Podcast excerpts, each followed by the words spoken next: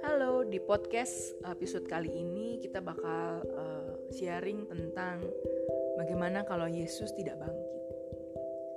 Kekristenan memperingati beberapa hari besar dalam satu tahun, di antaranya Natal, Jumat Agung, Paskah, dan Hari Kenaikan Tuhan Yesus. Keempatnya merupakan peristiwa penting bagi iman Kristen karena memang itulah ciri khas iman kita.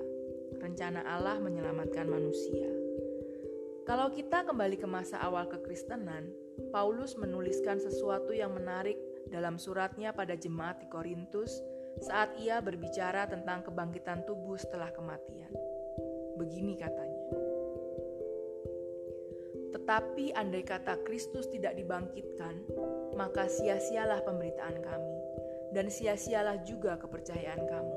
1 Korintus 15 ayat 14 Paulus memiliki fokus yang sangat serius pada peristiwa kebangkitan Yesus sebagai tonggak iman Kristen. Sia-sia. Kata ini memiliki konsekuensi yang tidak main-main. Kondisi yang berusaha dijelaskan dengan kata sia-sia adalah ketidakbergunaan, kosong, tidak ada artinya, buang-buang waktu. Jika boleh saya tegaskan dalam kalimat Paulus di atas, mungkin saya akan berkata, kalau Kristus tidak bangkit, kekristenan tidak penting. Tapi, jika Kristus benar-benar bangkit, maka kekristenan haruslah penting. Aku harus mati namun bangkit di hari yang ketiga. Matius 17 ayat 22 dan 23 adalah salah satu dari perkataan Yesus tentang dirinya sendiri. Ia mengampuni dosa seseorang, dan hanya Allah yang berhak mengampuni dosa manusia. Ia mensahkan klaimnya itu dengan membuat banyak mujizat. Ia berkata bahwa ia sudah ada sebelum Abraham ada, ia sudah ada. Yohanes 8 ayat 58. Ia mensahkan hal tersebut dengan menceritakan pengetahuan yang mengagumkan banyak orang. Bahkan pemuka-pemuka agama dibuatnya tercengang. Markus 12 ayat 37. Yesus tidak mengada-ada tentang apa yang ia katakan tentang dirinya sendiri dan ia membuktikan semua yang ia ucapkan.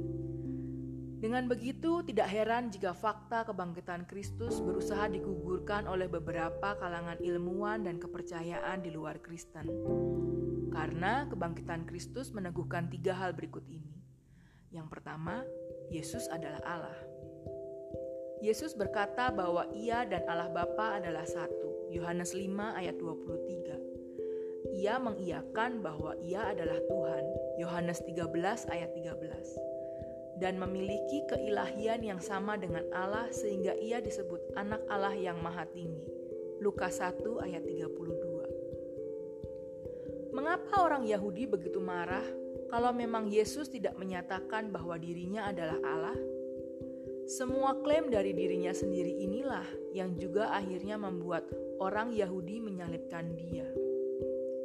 Semua yang Yesus ucapkan telah ia buktikan.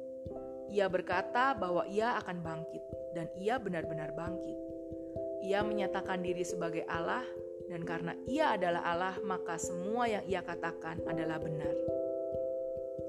Yang kedua, Alkitab benar dan layak dipercaya. Pada masa Perjanjian Lama, domba digunakan sebagai korban penghapus dosa yang bersifat sementara, karena harus dilakukan setiap tahun. Allah berkata pada Abraham, Kejadian 2 ayat 22 ayat 14 bahwa ia sendiri yang akan menyediakan korban penebus dosa. Nabi Yesaya menubuatkan penderitaan yang akan Yesus tanggung karena menggantikan hukuman kita. Yesaya 53. Daud, Mika, Sakaria, Daniel pun menubuatkan kedatangan Yesus. Ribuan tahun kemudian, Yohanes Pembaptis menyebut Yesus sebagai anak domba Allah yang akan menghapus dosa dunia. Rangkaian nubuat dan pengenapan ini terlalu mustahil jika hanya dikarang oleh pengikut Yesus seperti yang dituduhkan banyak kalangan. Yang ketiga, hanya ada satu jalan menuju surga. Selain ateisme, kepercayaan yang menolak keberadaan Allah, pluralisme adalah kepercayaan yang kini juga mulai diikuti oleh masyarakat modern. Dengan dali agama membawa banyak perang dan permusuhan, kelompok ini berpendapat bahwa semua agama adalah sama-sama benar dan menuju kepada satu Allah yang sama. Namun, Yesus yang ucapannya selalu benar karena ia adalah Allah sendiri berkata, Akulah jalan kebenaran dan hidup.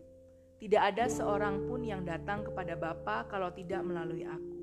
Yohanes 14 ayat 6 Klaim dari Yesus ini sering dianggap sebagai klaim yang arogan dan egois. Namun, sebenarnya janjinya ini adalah sebuah tanda kemurahan Allah atas manusia. Tidak ada satupun manusia yang mampu memenuhi hukum Allah, sehingga tidak ada satupun manusia yang bisa memastikan keselamatan jiwanya. Hanya Yesus yang mampu memberikan jaminan seserius ini. Inilah mengapa Paulus berkata bahwa karena Yesus Kristus benar-benar bangkit secara fisik, maka kita sebagai pengikutnya juga memiliki harapan akan kebangkitan yang sama seperti yang ia alami.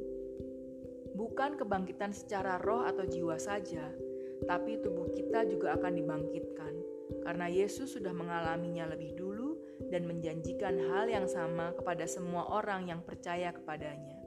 1 Korintus 15 ayat 20 sampai 21. Kebangkitan tubuhnya dicatat dalam bukti internal Alkitab di sepanjang kitab Injil dan surat rasul-rasul disaksikan oleh murid-muridnya.